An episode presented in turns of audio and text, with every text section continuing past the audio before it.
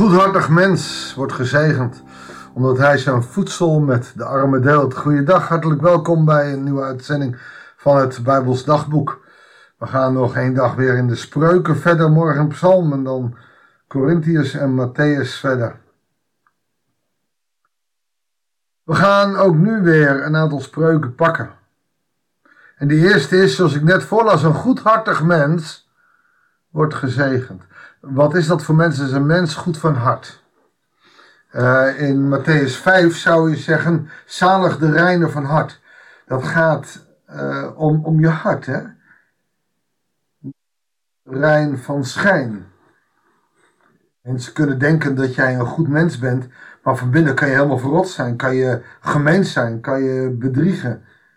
Met een prachtige glimlach kunnen wij de wereld veroveren, terwijl we helemaal niet goed bezig zijn. En dat kunnen we ook als christenen. Dat mag natuurlijk niet. Maar je zal ook zien dat je niet gezegend wordt. En ik denk dat we allemaal wel van die goedhartige mensen kennen. Mensen die optimistisch zijn, die altijd welkom heten, die altijd bereid zijn te helpen. Goed van hart. En het lijkt zulke mensen ook voor de winter. Het zijn nooit echt hele rijke mensen. Maar wel mensen die gelukkig in het leven staan.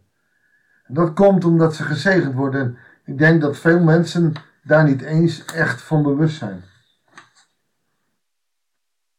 Een goedhartig mens is iemand die zijn hart op de goede plek heeft. Die recht en rechtvaardigheid voor ogen heeft. Niet voor zichzelf, maar voor de ander.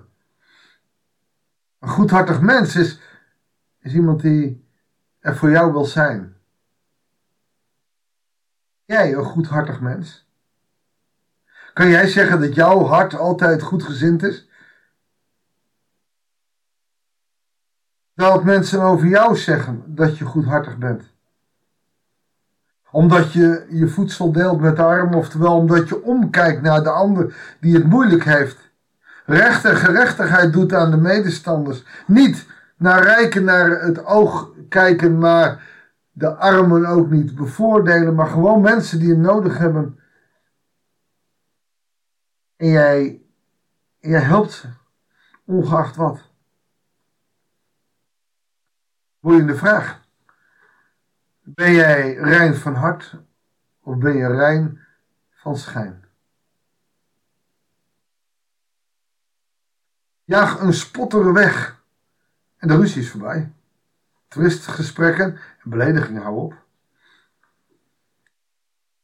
Je kan zien dat deze een klein beetje te maken hebben met Matthäus 5. Ik heb jullie gezegd, zegt Jezus daar, dat wanneer iemand de nietsnut, een andere nietsnut noemt, dan gaat hij al naar de Gehenna. Spotters zijn mensen die met anderen spotten en, en niet serieus nemen. En voor de gek zetten. Deze mensen moet je wegjagen uit je leven. Deze mensen moet je vragen op te houden met spotten. ruzies zijn voorbij. Twistgesprekken en beledigingen houden op. Notoire sporters die kunnen niet stoppen. Notoire spotters die beledigen, die kwetsen. En er ontstaan ruzies. Salomo zegt, deze mensen moet je wegdoen uit je leven. Maar ik ken ook heel veel mensen zeggen, ja, maar dat is toch zielig? Ja, ruzies dan niet, twistgesprekken, beledigingen. Zijn allemaal waar gelovigen niet van gediend hoeven te zijn. Omdat wij waardevolle mensen zijn, weldragers van de Allerhoogste. Zo mag ook voor jezelf zorgen en deze mensen uit de weg gaan.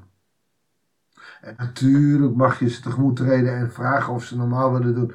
Maar ik denk dat de meeste van jullie weten, net als ik, dat als je echt zo'n zo iemand hebt, dat hij ook niet wil stoppen.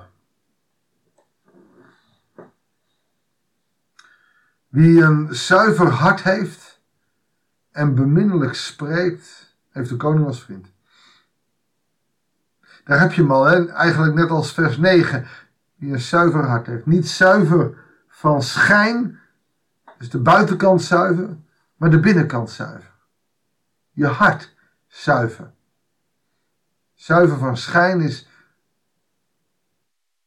is wat de wereld doet. Zuiver van hart is veel moeilijker. dat mag je uitstralen omdat je een goedhartig mens bent, doordat je zuiver van hart bent. En heeft de koning als vriend, oftewel, die heeft echte vrienden die het wil doen. Tijd was het machtig als je een koning tot je vriend had, dan hoorde hij ergens bij. En dan gaat het in dit is, deze spreuk niet om erbij horen, maar je zult geweldige, goede vrienden hebben. Koninklijke vrienden. Maar het zuiver van hart, dat valt nog niet altijd mee.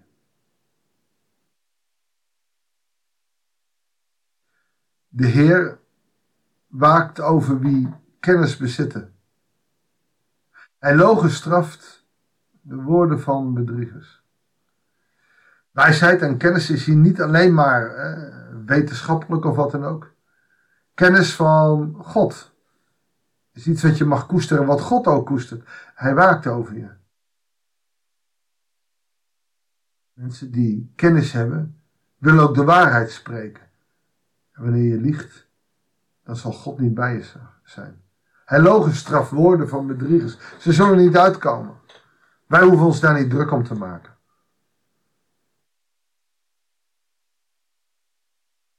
Vers 14 is ook wel een pittige. De mond van een ontrouwe vrouw is als een diepe put. Wie door de Heer is vervloekt, valt daarin. Wat je hierbij kan bedenken is dat ontrouwe vrouwen proberen het altijd goed te praten. Dit geldt overigens ook voor ontrouwe mannen. Maar in het Oude Testament kon je als man geen bijl vallen, dan was je van een goede status en een vrouw wel. Dus het vrouwelijke krijgt hier uh, de sneer. Maar de mond van een ontrouwe man is ook als een diepe put. Ze gaan met leugen en bedrog gepaard. Maar wie door de Heer vervloekt is dus de mensen die niet gezegend worden, die zullen daarin vallen. In die diepe put van bedrog. Onlangs was er iemand die vroeg, maar toch alleen een dominee mag zegenen. En ik zeg je, iedereen mag zegenen. Zegen elkaar met positieve woorden. Met je eigen woorden, maar wees zegenend. Spreek zegenend. Dan bouw je mensen op. Dan is er geen diepe put. Maar dan is er een bergtop waarop God gezeten is.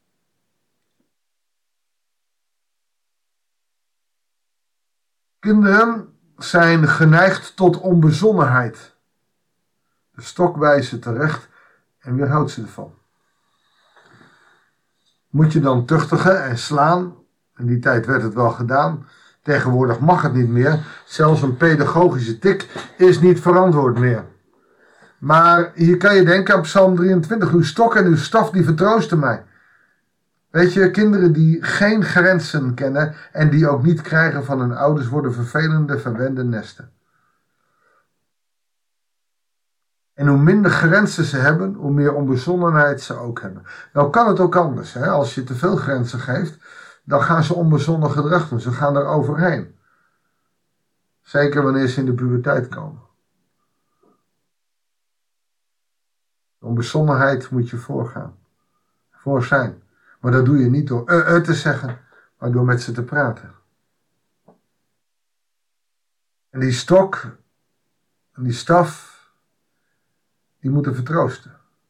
Dan moet je zoals het ware, net als een schaap, even een tikje op de kont geven. Zo van, ah, daar niet heen. Dus niet slaan, maar even een klein tikje.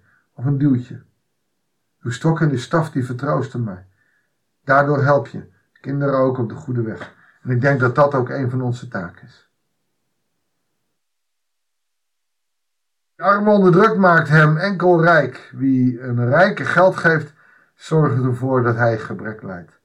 Dat is een hele diepe, dat is een omdenker. Ehm,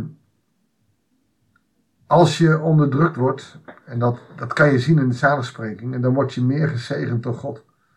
Zalig zij die door mijnend wil verdrukt worden, en ik zal hen, en zij zullen koninklijk volk zijn en, en het koninkrijk beërven. En dat is de rijkdom. Maar als een rijke meer geld krijgt, dan hij, zal hij gebrek krijgen omdat het gebrek is aan liefde en trouw van God. Mag ik met je bidden? Heer God, dank u wel voor deze wijsheden. Dank u wel dat we zo uit de Bijbel mogen lezen. Heer, zo willen we luisteren naar uw woord. Zo willen we leren van uw woord. Gestimuleerd worden door uw woord. Heer, zegen ons. In de machtige naam van Jezus. Amen. Dankjewel voor het luisteren. Ik wens je een hele goede dag en heel graag tot de volgende uitzending van het Bijbelsdagboek.